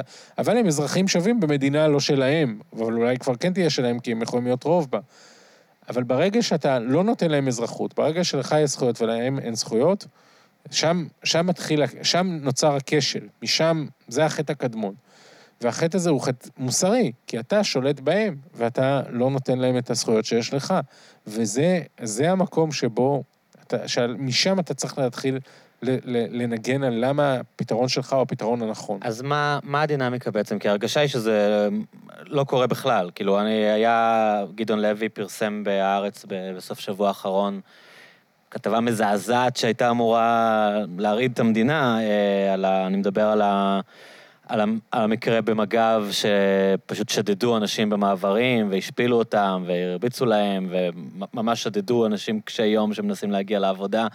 אה, היה לזה מעט מאוד תעודה, גם, גם מאנשים שהם אמורים להיות מהשמאל, והם ממשיכים לדבר על אה, ביבי ועל, אה, אתה יודע, אלפיים וארבעת אלפים, והיית מצפה שדבר כזה יעורר... לפחות את הרעש שהאונס באילת עורר, נגיד, מבחינת משהו שאמור לסמר את השיער. למה לדעתך זה, למה לדעתך זה נשאר רק אצל גדעון לוי? זה מה שאני מנסה להבין. אני יודע, אני שואל אותך, אני... לא, אני, מנסה להבין, כי ההרגשה היא שגם השמאל לא רוצה לשמוע. תראה, קודם כל, גדעון לוי, אוקיי? זה מין הרגשה של די איתו, כאילו, שמענו אותו 20 שנה. אה, תראה. גם, אגב, הצורה שהוא כותב... היא מעוררת אה, מלא אנטגוניזם. נכון, כי אתה יכול לספר את הסיפור הזה בלי להתחיל בהצבא הכי לא מוסרי בעולם. כאילו, אתה, אתה, מנסה, נכון. אתה מנסה להרחיק את האנשים או לדבר איתם, כאילו, מה, נכון מה אתה עושה כאן? זה נכון לגמרי, אבל אתה יודע, השאלה היא לא למה גדעון לוי לא מצליח, השאלה היא למה רק. למה אף אחד אחר לא כותב את זה? למה זאת לא כתבה שהיא בחדשות ערוץ 2, נכון. כאילו? אה, או 12, וזה בעיניי אחד הכשלים הגדולים שלנו. אין לי תשובה להגיד לך בדיוק למה. אני יודע למה, כי הכוחות הימניים לא רוצים שתתעסק בזה. ויש להם כוח אדיר בציבוריות, אז הם משתיקים את הפרשות האלה, הם האלימים. הפעם היחידה שמדברים פתאום על, על פלסטיני או על ערבי כקורבן, זה רק כשזה מתאים לנתניהו, עם, עם, עם עכשיו עם החקירות שלו. ו... ו, וכשאנחנו עושים את זה over and over, אנחנו נהיים כולנו גדעון לוי. טרחנים כן. כאלה, אוהבי ערבים, שהבנו, לא, לא מאמינים לכם כבר, אתם מגזימים. ובסוף רוב הציבור הישראלי לא מודע לזה, לא זוכר את זה, לא מכיר את זה, ויותר מזה, אתה נותן דוגמה מאוד ברורה של אירוע מאוד מכוער ומגעיל. אבל אה, יש אירועים יותר מכוערים, כולל ירי, שפשוט הציבור הישראלי מצדיק, כי זה היה, כנראה זה היה מחבל, למרות שזה הרבה פעמים לא מחבלים. ויש גם הרבה פעמים מצב שבו, אני אגיד לך, אתה לא חייב את הדוגמאות של, ההתבעמו, של ההתבעמות האישית בשביל להציג את המצב כלא מוסרי. Mm-hmm. זאת אומרת, יש גם הרצון שלנו ללכת לדוגמאות הספציפיות והקשות האלה. כן, הדרמטיות. אה, כן, זה חשוב, אבל זה גם לא הנימוק. זאת אומרת, גם אם כל חיילי מג"ב היו סופר נחמדים במחסום, עצם המערכת, זה הכשל. אתה מבין? כן. זאת אומרת, הדוגמאות של איך זה משחית אנשים ואיך הם הופכים להיות החוסר מוסריות הסיסטמטית, לא כן. הכשל של בן אדם ספציפי. נכון, זה לא... זה, זה לא פעולה של בן אדם ספציפי, זה נכון שסיטואציה גורמת לזה שהבן אדם הזה יכול לעשות את הדברים האלה. לאזרחים ישראלים היה לו הרבה יותר קשה לעשות את זה, בוודאי לישראלים יהודים. אבל, בוא נגיד שגם אם לא היה את האירועים שגדעון לוי מדווח עליהם, בעיניי עדיין הכיבוש היה כשל מוסרי גדול. מה, מה הדינמיקה שסיפור כזה לא פותח מהדורה בחדשות 12? כלומר, איך אתה מבין את זה ש... חדשות 12, א', אני, הם, הם רוצים ל, ל... נדיר שיש לך סיפורים מספיק מזעזעים במרכאות, ומספיק חד משמעיים. בחלק גדול מהסיפורים של גדעון לוי, מה שהוא כותב זה משהו אחד, ואז אתה שומע גרסה, גרסה אחרת של הצבא, ש... ש נוח ש, לנו להאמין לה. כן, ו... ו... אז זה דבר אחד. דבר שני, כי, אתה יודע, גם ערוץ 2 לא רוצה להיות גדעון לוי. הם לא רוצים שהרייטינג שלהם יהיה כזה. וברגע שאתה פותח עם זה ואתה שם מראה מכוערת, לא תמיד המראה הזאת אה, מוצאת חן. אני אתן לך דוגמה, אה, סרטונים מגן ילדים של גננת מכה אה, אה, פעוט, שזה חמור מאוד, זה, עם זה לפתוח מהדורה זה, זה טוב, כי זה מייצר איזו תחושת שבט, כולנו נגד, mm. וזה, זה אחדות, וזה, יש אויב כזה, וזה כן. הגננת, וזה. פה אתה האויב, זה חיילים שלך, זה הילדים שלך עושים את זה, אתה מרגיש, אתה יושב בצורה לא נוחה. בסוף טלוויזיה רוצה רייטינג. בא לך להעביר ערוץ, כאילו. כן. גם אני, אני לא קורא אמיר אייס ו... נכון, וגדעון לוי, למי, כאילו, מדכא. אני יודע שחרא, נכון, ועזבו אותי, כאילו. נכון. אז, אז בוודאי טלוויזיה מסחרית, אה, לא רוצים לפתוח עם זה. אה, ולא רוצים לתת ל... ואתה יודע, גם עוד פעם, בסוף יש פה מערכת מספיק גדולה שיש לה אינטרס להשתיק את זה. אה. אנשי ימין לא רוצים לעשות לזה פולו-אפ. לא, אבל איפה העיתונאים ה... זאת אומרת, אתה אומר, זה הכל סיסטמטי. איפה, בפאנל באולפן שישי, יושבים אנשים שהם אה, מזועזעים מזה כמונו. איפה, איפה הם, כאילו, מה, מה הדינמיקה, אני לא, לא רוצה להאשים אף אחד אישית, אבל מה הדינמיקה שלא גורמת להם לדבר על זה באולפן שישי? אתה יודע, כל, כל שאלה שגם קונטקסט, אתה לא תמיד יכול להביא את זה. תראה, לפעמים כן מדברים על זה, שהרצח של מוחמד אבו ח'דיר, או הרצח בדומא, זה דבר שדיברו בו רבות בתקשורת הישראלית, כן. ויש גם את הסדרה הנערים, סדרה חזקה ביותר. זאת אומרת, זה לא לגמרי לא מדובר, אבל זה לא מדובר מספיק, ורוב הציבור הישראלי רואה את האירועים האלה כאירועים שהיוצא מן הכלל שמעיד על הכלל. ולצערנו זה לא יוצא מן הכלל, וזה מעיד על הכלל. כן. מה, מה יהיה, איך אתה מדמיין אה, שינוי דינמיקה, שכאילו כשאתה, כשאתה אומר בסוף ה... הזווית המוסרית היא זאת ש... שיכולה להביא לסוף הכיבוש, איך אתה מדמיין דינמיקה כזאת אה, מהמקום שאנחנו עכשיו, שבעצם אין קשב לנושאים האלה, למצב שבו אנשים יגידו, וואלה, לא מתאים לי, אני הולך לבזבז את הקול שלי, להשקיע את הקול שלי בקלפי על הנושא הזה. אה, כי- זה לא נראה שאנחנו קרובים לזה כרגע. אני, לא חושב שיש לזה איזה כפתור שתלחץ עליו ופתאום תהיה הזדמנות. יכולים לקרות כל מיני אירועים שיכולים לעשות פה שינויים. אה, אירוע אחד שיכול להגיע מתישהו זה גם מנהיגות פלסטינית אחרת, קצת יותר צעירה, קצת יותר אפילינג לציבור הישראלי. אני, אפשר ללכת לקיצוניות, אתה יודע, הכי קל להגיד לך, תשמע, עוד אינתיפאדה, וישראלים יבינו פה שהפלסטינים קיימים. אה, אני נגד זה, כי אני לא רוצה לראות הרוגים, לא בצד שלהם ולא בצד שלנו, ואני לא בעד, בעד אלימות, אז אני מתנגד לזה. אני חושב שיש טריגרים אחרים. למשל, הנהגה פלסטינית שהיא קצת יותר אה, אה, אטרקטיבית לציבור ישראלי, שיהיה אפשר לדבר איתה יותר, שיכולה להיות יותר צעירה, ש, שתרגיש שהיא יכולה to deliver. אה, חילופי הנהגה גם פה, אם היום היה ראש ממשלה אחר, שמאמין בזה ודוחף את זה, אתה יודע, זה דבר מדהים. אה, וגם מדינות ערב באזור יכולות מאוד לסייע. ההסכם עם האמירויות, במידה מסוימת, הוכיח שרוב הציבור הישראלי במסות עצומות, כולל מצביעי ביבי, מעדיפים הסכם עם מדינה פל... רחוקה מאוד מאשר סיפוח והחלת ריבונות, הם קוראים לזה, של ההתנחלויות. אף אחד לא אמר למה עשית איתם שלום, אנחנו רוצים את הריבונות. אפילו את בנט הסיפוח. מאוד נזהר בלהעביר ביקורת על זה. כן. עכשיו, אתה יודע... נכון, זה מעניין, לא חשבתי על זה. אז אה, הנה, כאילו אתה כולם. ויתרו על הסיפוח בשנייה. כן. בכלל צריך להגיד שהסנטימנט הישראלי, המיינסטרימי, הגדה לא מעניינת אותו. היא מעולם לא עניינה אותו באמת, כאילו, שזה חלק מה... נכון, התסכול ה- של המתנחלים, נכון, כאילו. הרצון שלהם אה, להלהיב אותך לשם הוא לא גדול, להפך. אז אני, אני חושב שאם היה פה מנהיגות אחרת שהייתה מבטיחה לישראלים דברים אחרים, אולי אפילו שלום, כלומר, אז- נגיד מין עסקת חבילה של שלום עם סעודיה, כזה? למשל, אבל זה- יכול להיות שיגיע שלום עם סעודיה. אה, בהמשך, אני באמת חושב שהחלפת מנהיגות, זאת אומרת, זה, זה dead אז end. בוא נדבר אנחנו עומדים טיפה... היום עם, גם עם מנהיגים ישראלים וגם עם מנהיגים פלסטינים שלא בוא לא נדבר ייקחו טיפה על. על ההנהגה הפלסטינית, אה, שבאמת בישראל אנחנו לא לא כך... אה, זה די מוזר שאנחנו לא... אנשים יודעים הכל על פוליטיקה בארצות כן. הברית ומתעניינים בבחירות בבריטניה, ואין להם, לנו, הרבה מושג מה קורה בתוך הפוליטיקה הפלסטינית. אני הייתי במפגש עם, אה, עם פעילים פלסטינים ב- לפני כמה שנים בבית לחם, ו... ו... ראיתי שהם מאוד מאוד סקפטיים לגבי ההנהגה שלהם.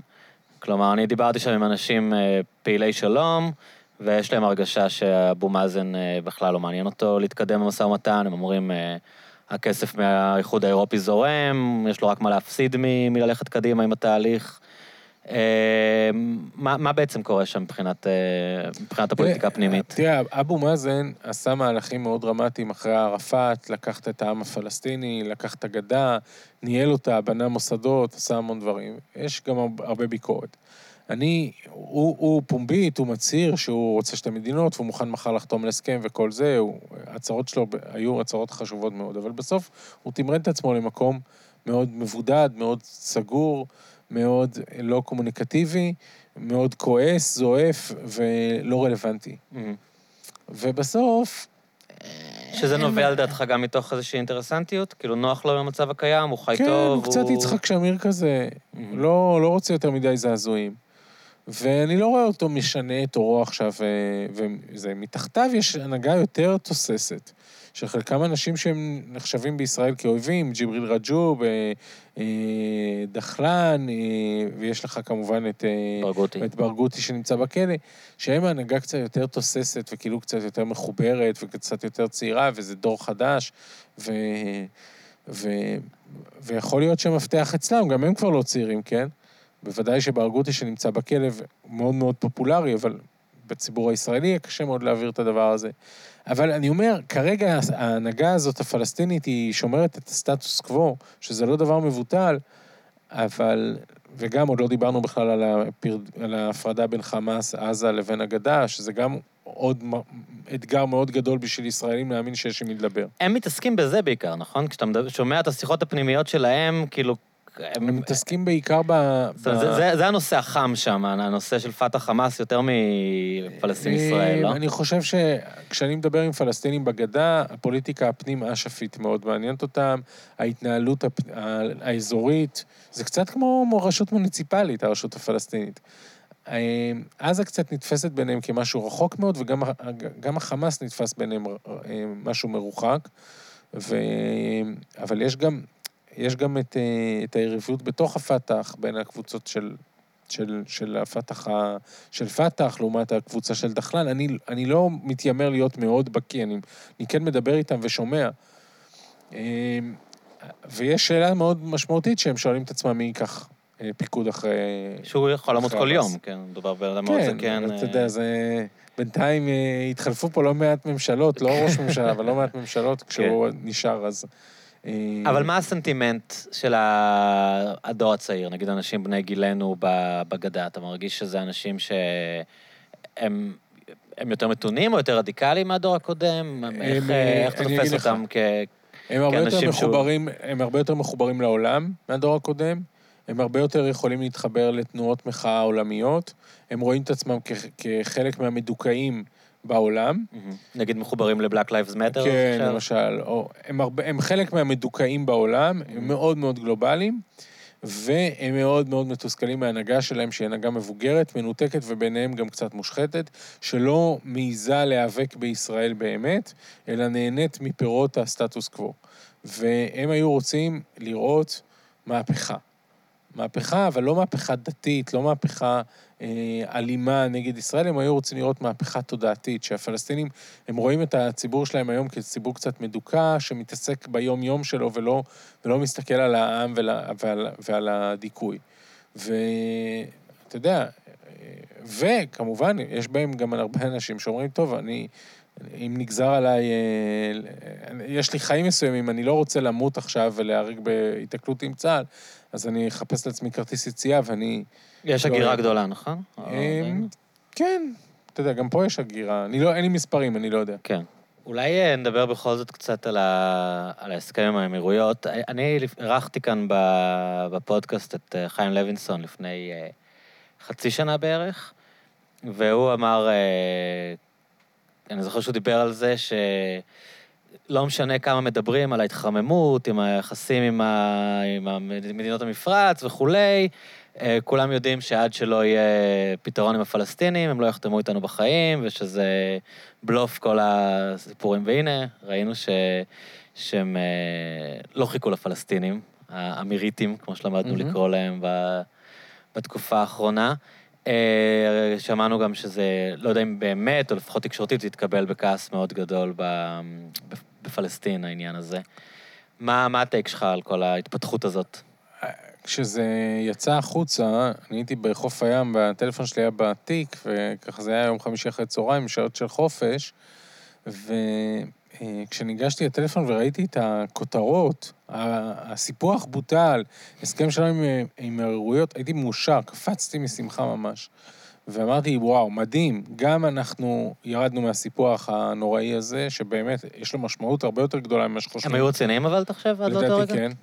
לדעתי כן, ויש לסיפוח משמעויות עצומות, גם תודעתיות וגם חוקיות, וזה שזה ירד מסדר היום זה, זה באמת אה, היה דבר מאוד מאוד חשוב. ועוד, מראים לציבור הישראלי שיש תמורה על האגרה. ואם אתה לא מספח, אתה מקבל שלום, זה בעיניי מסר מדהים. אבל זה הטייק שלך, נכ... זה לא נתפס ככה, וזה לא נכון, לא פורשן ככה, נתניהו... ורוב האנשים, אה, הוא הצליח עוד פעם לנהל את ה... כי נתניהו ברח מהנרטיב הזה לטובת נרטיב אחר, שאומר שלום תמורת שלום. כן. כלומר, אפשר לעשות שלום עם העולם הערבי בלי לשלם מחירים בזירה הפלסטינית. כן. וזה מסר קשה מאוד שמייצר אצלנו אתגר. מצד אחד, אני חושב שכן, האידיאולוגיה שלנו ניצחה פה. הוכחנו שוב שרוב הציבור הישראלי מעדיף שלום גם מדינות רחוקות מאשר סיפוח התנחלויות, וזה אינטרס יותר חשוב לישראל. ומצד שני, זה שהכל נורמלי, והכל מצוין, והכל בסדר, ואין שום אה, בעיה עם הפלסטינים, זה כמובן מוריד קצת את המוטיבציה. לפ... לפ... אתה לא רוצה לפתור בעיה שאתה לא מרגיש אותה והיא לא קיימת. נכון. ו... ונתניהו והימין מפמפמים כל הזמן את, ה... את השקר הזה, שלום תמורת שלום, זה גם לא בדיוק שלום תמורת שלום, זה אינטרסים תמורת אינטרסים. כן. ומנסים לעשות איזה פייק טקסים חגיגיים בבית הלבן, שזה קצת בדיחה, כי זה באמת לא מדינה שהייתה לנו איתה אי פעם מלחמה. וגם מדינה עם מיליון איש, במרחק אה, שעות לגמרי. ארוכות של טיסה, מציגים את זה כאילו... לגמרי. מין אקוויוולנטי כזה לקמפ דיוויד של בגין. כן, שזה ממש גניבת דעת. כן. אה, מצד שני, צריך לזכור, בסוף אנחנו מאמינים בפתרון עם הפלסטינים לא בגלל האמירויות ולא למרות האמירויות, כנ"ל לא שאר הדברים. זה, אה, הנורמליזציה עם העולם הערבי זה תוצר לוואי חיובי שהיה יכול להיות מהסכם שלום עם הפלסטינים, ועדיין יכול להיות, אבל הוא לא הסיבה להסכם השלום עם הפלסטינים. ו... אבל כן, יש פה אתגר הסברתי מאוד משמעותי. איך הוא מצליח לנהל את השיח כל פעם? זאת אומרת, אתה נגיד תיארת את זה בצורה שהייתה, שהיא משכנעת, לצורך העניין. נמנע הסיפוח, אה, הבנו כאן שלאנשים בישראל לא כזה אכפת. זה לא קיים, כאילו, מה שאתה אומר עכשיו זה נשמע, זה, זה, זה, הוא כל כך שולט בשיח, נכון. שזה נשמע כאילו אתה עושה ספין על זה. קודם נשמע כל... לאנשים כאילו, אה, אתה הצלחת להתחכם ולמצוא אנגל, ולא להודות בהישג. קודם ה... כל ראש ממשלה, ראש ממשלה שולט בשיח בהגדרה. שתיים, ראש ממשלה שהקישור המרכזי שלו זה לשלוט בשיח ולהנדס תודעה. ולייצר sound bite, ולהבין איך ה... לאיזה תבנית אתה רוצה לקחת את הקהל השומעים שלך, איזה תחושות אתה רוצה לייצר אצלם, וללכת על זה עד הסוף.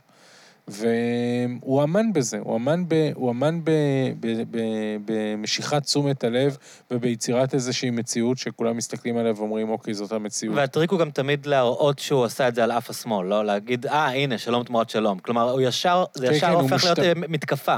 זה ישר נכון. כאילו, אה, סתמו, אתה רואים, הם לא, נכון, הם לא רצו. נכון, הוא משתמש בזה, ושוב פעם, כמו הדוגמה על אולפן שישי, התגובות מנגד מגומגמות, לא קיימות. בכלל לא מתעניינות ולא מבינים שיש פה מהלך שתודעתית, יש לו, לצערי, פוטנציאל עבורנו, שלא מומש, ויש לו פוטנציאל עבור נתניהו והימין שכן ממומש, כי הם מנגנים על זה כל הזמן. רק הימין האידיאולוגי ממש לא אוהב את המהלך הזה ומעז להגיד שהם נגד הסיפור הזה, כי הסיפוח היה חשוב להם יותר. אבל אז יש להם איזה ריאליטי צ'ק להבין שהם עוד פעם במיעוט. כלומר, כן, זה העניין הזה. כן, וגם הם מתחילים להגיד, האמריקאים לא נתנו בין כה וכה, וזה לא באמת היה אחד על חשבון השני. ולאן אתה חושב זה ילך מכאן? כלומר, אתה חושב שיש סיכוי ש... ש... שזה יגיע עד לסעודים, או שזה מין איזשהו... אני לא חושב שזה באמת משמעותי. זאת אומרת, אני חושב שאם יהיה או לא יהיה, בסוף אין לנו מלחמה איתם, יש שותפויות אינטרסים, דברים קורים. אני לא חושב שזה כל כך משמעותי, כמובן. לא, אני מדבר בהקשר שאם הפלסטינים אכן נזנחים. אה, לסעודים קצת יותר קשה, כי הם אלה שהביאו את יוזמת השלום הערבית, שהתחילה כיוזמת השלום הסעודית, שדיברה בדיוק על זה, שהעולם הערבי לא יעשה שלום עם ישראל עד שלא יהיה הסכם בין ישראל לפלסטינים. צריך להגיד שזו העמדה שלהם שהם חזרו עליה ממש נכון, לאחרונה. נכון, לכן הם קצת יותר מחויבים מאחרים. אני מעריך שהם לא ירוצו להסכם כל כך מהר עם ישראל אה, הסעודים, אבל שוב פעם, אני לא בטוח שזה כל כך משנה. אני חושב שההנהגה הפלסטינית, כרגע, אם, אם אנחנו מדברים על היום, כל, המערכת נמצאת בהקפאה עד לסיום הבחירות בארצות הברית. ואז אם יהיה מערכת בחירות פה, אז גם עד לסיום מערכת הבחירות ב- בישראל. כל עוד אה, טראמפ בשלטון, אני לא רואה תזוזה אמיתית בין ישראלים לפלסטינים. בוודאי שיש לך את השלישייה, אבו מאזן, נתניהו, טראמפ, זה לא הולך לשום מקום מהבחינה הזאת. אבל זה גם סוג של סטטוס קוו שהוא לא מבוטל, כי עובדה שבסוף אה, לא היה סיפוח. אה, תוכנית המאה הוצגה וזהו, כמעט בחצי התנצלות מול הפלסטינים, ולא לא, לא השתנה משהו משמעותי. כן, ברקע של הדברים, כל הזמן הבנייה בהתנחלויות מתרחבת והמציאות היומיומית משתנה בקצב כזה או אחר. הם מדברים שיש עכשיו מין הקפאה בשטח, זה לא נכון? כן, אבל זה בעיקר בגלל הקורונה, וזה לא מדויק, ואני חושב שהיום אחד הדברים שמפריעים למתנחלים זה אולי דווקא מחירי הדיור והכדאיות של קבלנים להיכנס לפרויקטים בשטחים, וצריך גם לומר את האמת, בגלל הפיגועים, שרובם אה, מת, מתקיים בשטחים ולא בשטח ישראל. פחות ישראלים רוצים לעבור לגור מעבר לקו הירוק בגלל הפיגועים, הפלסטינים יגידו בזכות הפיגועים, ולכן יש פחות ביקוש לבנייה בהתנחלויות, ולכן גם בונים פחות, זה גם עסק כלכלי בסוף. ואני חושב שבעניין הזה הם, הם, הם ימשיכו ללחוץ, וזה דבר שקורה כל הזמן, ויש להם הישגים, אבל, אה, אבל אה, אני חושב ש, ש, שקשה לומר שיש הקפאה, הקורונה עצרה גם את, את, את, את תוכניות התכנון אצלם. איך אתה... זה נשמע מהשיחה שאתה עדיין אופטימי. כלומר, יש הרבה גורמים בשמאל שאמרו, אה, פתרון שתי המדינות ירד מהשולחן, אנחנו חיים בסרט, צריך ללכת לפתרון של מדינה דו-לאומית, אה, זה כבר לא יקרה. אני חושב שהמאבק הזה, הוא לא מאבק על האנד גול. זה לא רק מאבק האם יהיה פתרון של שתי מדינות בעתיד, זה מאבק גם אה, על היום-יום, mm-hmm. על הזהות, על מה נאמר ולא נאמר, על נרטיבים, על מה חשוב ומה לא חשוב, על סדרי עדיפויות בין יהודית לבין דמוקרטית, בין, ערכי, בין, בין, בין ערכיות לבין כיבוש. אה, זה גולש כמעט לכל תחומי החיים פה בחברה הישראלית. חזון ארץ ישראל השלמה זה מה שמחבר בין ליצמן לבין אמיר אוחנה. למה הם באותה קואליציה? למה אמיר אוחנה מוכן לוותר על כל כך הרבה דברים שחשובים לקהילה הגאה בשביל ליצמן? כי הם באותה קואליציה, כי בסוף זה, מה שחשוב לו יותר זה ארץ ישראל והקואליציה הימנית והדברים האלו. והנושא הזה הוא כל כך משמעותי, והוא לא, הוא לא, אני לא מכוון כל יום, אני קם בבוקר בתחושה שמחר נביא את הסכם שתי המדינות ונרקוד אורה. אני חושב כל יום איך אפשר לעשות שינוי נקודתי בשאלות הערכיות, המוסריות, שגם גולשות לתוך החברה הישראלית, של גזענות, של, של אלף ואחד נושאים שנגזרים מהסכסוך הישראלי-פלסטיני. אני כן מתוסכל שהנושא הזה הוא פחות על סדר היום, שהרמון ישראלים לא מתעניינים בו, שאנשים צעירים לוקחים אותו כמובן מאליו, כי נושאים אה, שהוא מאוד לא פופוליסטי ולכן הוא גם לא פופולרי לפעמים, והרבה מאוד אנשים בורחים ממנו. זה, זה בעיניי משהו שמתסכל, ומצד שני נותן לי יותר תשומת לב, כי אני עמוק בפנים. אתה מתחבר עם, אה, עם הגישה של אנשים שאומרים שהטקטיקה שה, הזאת של השמאל כל השנים, אה, להתחבא, וכל הזמן להתמרכז לכאורה ולהסיר אג'נדה שמאלית. כי אני זוכר כילד, היה משהו מאוד מלהיב בזה שהמנהיגים מכרו שלום. כלומר, שהיה איזשהו vision למשהו שהוא לא רק אה, פרגמטיות ואחריות וערכיות, אלא... אתה, אתה, אתה חושב ש, שכאילו הבשילו התנאים שה, שהשמאל יהיה שמאל, שהוא יפסיק... אה, תראה, הבעיה. אני לא... יש את אלה שיש להם בעיה של שמאל או לא שמאל וזה, אני דווקא מדבר על השמאל שיש, ומה הבעיה? אנחנו, מכיוון שאנחנו באופוזיציה, ואנחנו מבקרים ותוקפים, אז אנחנו נתפסים בדרך כלל כנביאי הזעם, כאותו mm-hmm. איש בלבוש סחבות בכניסה לעיירה שצועק מחר מבול. במידה מסוימת הוא מעצבן, הוא מרגיז, הוא לפעמים כבר משעמם, הוא לפעמים לא רלוונטי. גם המבול לא מגיע במובן מסוים. אה, דיברו כן, על לא, אבל... חרמות בינלאומיות שלא קרו. אה. נכון, אבל, אבל דברים כן קורים, ואני חושב ש... הנה, נניח שאלת על, ה, על, ה, על שוטרי מג"ב האלה ועל עוולות השטחים ועוולות הכיבוש. כשאתה הופך להיות גדעון לוי, שאתה כל היום מציג לאנשים מראה מכוערת, הם לא רוצים לראות אותך, הם מעדיפים לראות את המראה שה, שהימין מציג, שהיא כמובן, אנחנו הצבא המוסרי בעולם, אנחנו האנשים הכי נהדרים והכול. וזו עמדה מאוד כפויה טובה. וצריך לחשוב איך מייצרים מהעמדה הזאת גם תחושת כוח, גם תחושה אופטימית, גם תחושה חיובית שמדברת על הדברים בצורה חיובית ולא רק בצורה שלילית. איך לא הופכים להיות איזו דמות מטיפה ו- ובלתי נסבלת. אמ, לימין יש טקטיקה מאוד מאוד מאוד מאוד חכמה, בכלל קצת לציונות, שאומרת שמצד אחד אנחנו קורבן, ואנחנו מדינה קטנה מוקפת אויבים, מהשואה, פליטים וכל הדברים האלה, אנחנו קורבן אה, שכולם נגדנו, מבג"ץ, האיחוד האירופאי, בית הדין הבינלאומי בהאג, כולם נגדנו, אז אנחנו הקורבן, ולכן מותר לנו להפעיל כוח, כי זה הכל הגנה עצמית, כמובן, של הקורבן.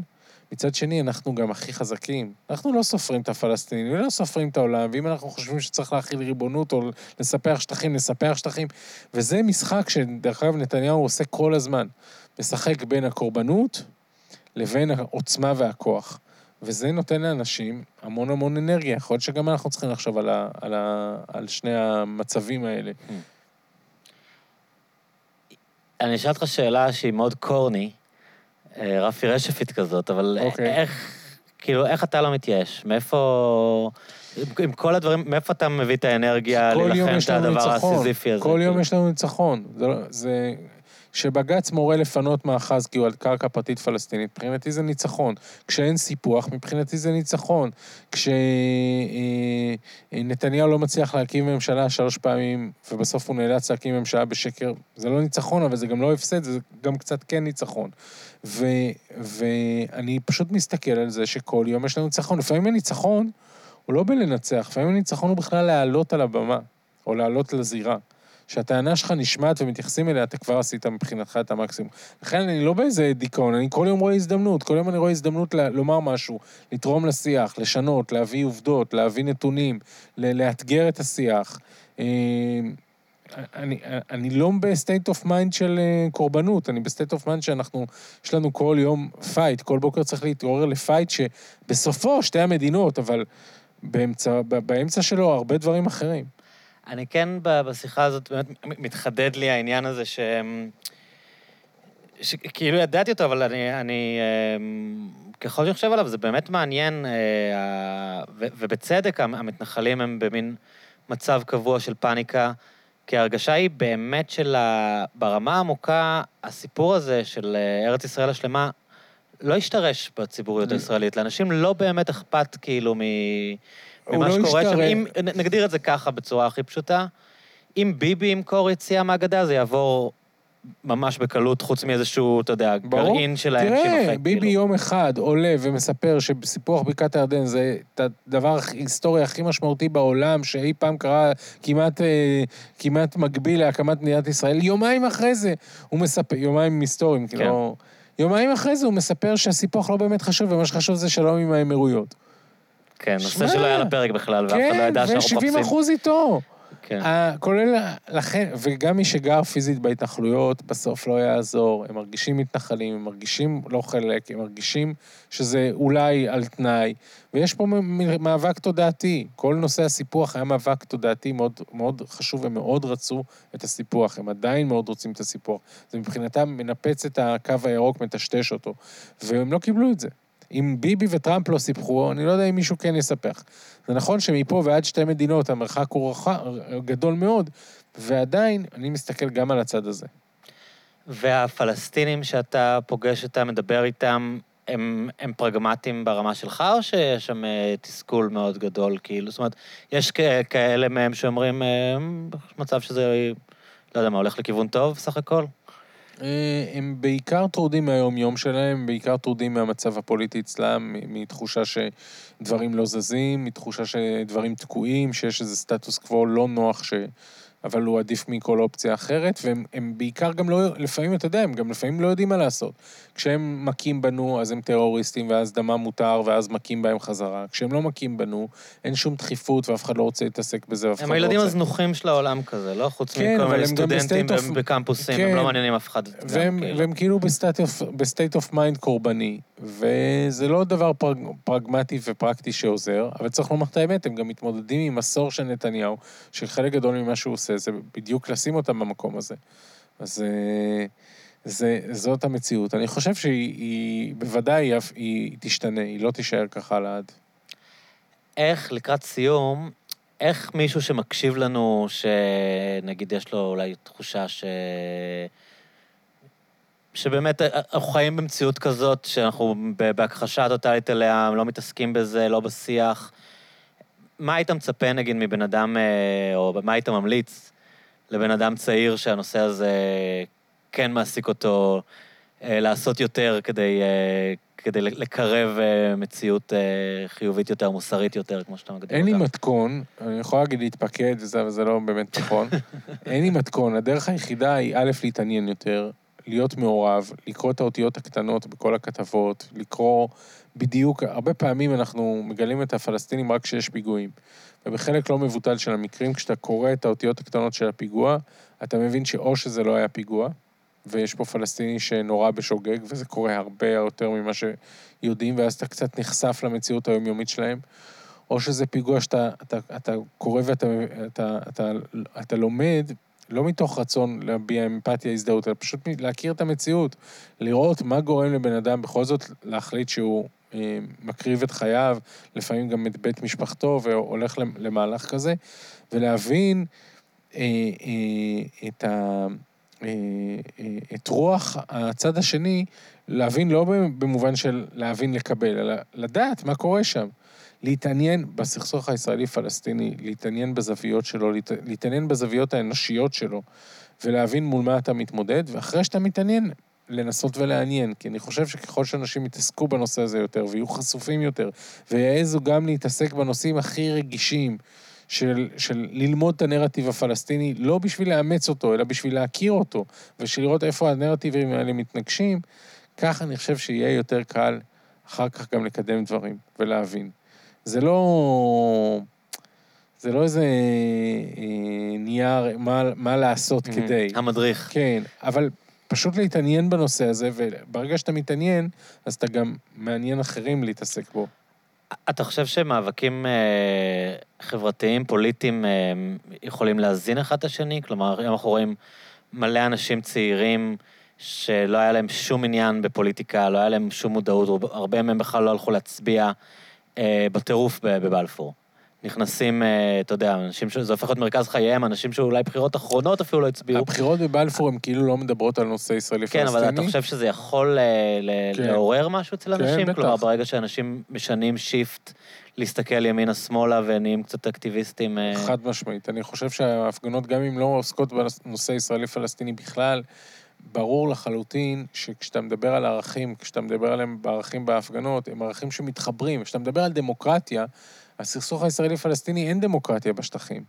לכן מי שאומר שהוא בעד דמוקרטיה, אז הוא לא יכול להיות בעד הכיבוש. והפוך, מי שלא כל כך אכפת לו מהדמוקרטיה בשטחים, כנראה שגם בתוך ישראל לא כל כך אכפת לו מה, מה, מהמרקם הדמוקרטי. ולכן בסוף האנשים בבלפור ימצאו את עצמם באותו צד של אלה שרוצים שתי מדינות. ואלה שלא בבלפור אלא מתנגדים, ימצאו אותם באותו צד של המתנחלים. כי זה אותם ערכים. זה לא שאתה יכול להיות נורא נורא אה, אה, דמוקרט בישראל, ואחרי זה להגיד, טוב, בשטחים אין בעיה שנשלוט בעם אחר, ולהפך. לכן, ו, ולכן אני חושב שאם ההפגנות בבלפור נותנות לדור הבא של, של ישראלים תקווה, משהו להתגאות בו, משהו לשאוף אליו, משהו לשמוח סביבו, משהו אופטימי, זה יקרין גם על הסוגיות האחרות. כיף. יופי, יריב, השיחה הייתה הרבה יותר אופטימית ממה שחשבתי. אה. חשבתי שאתה תדכא אותי וש... לא. אה, אני, אני, לא, אני לא כן. בקטע של לדכא או להיות, להיות אופטימי או פסימי, אני בקטע של לנסות לנתח את המציאות כמו שאני רואה אותה. וככה אני רואה אותה.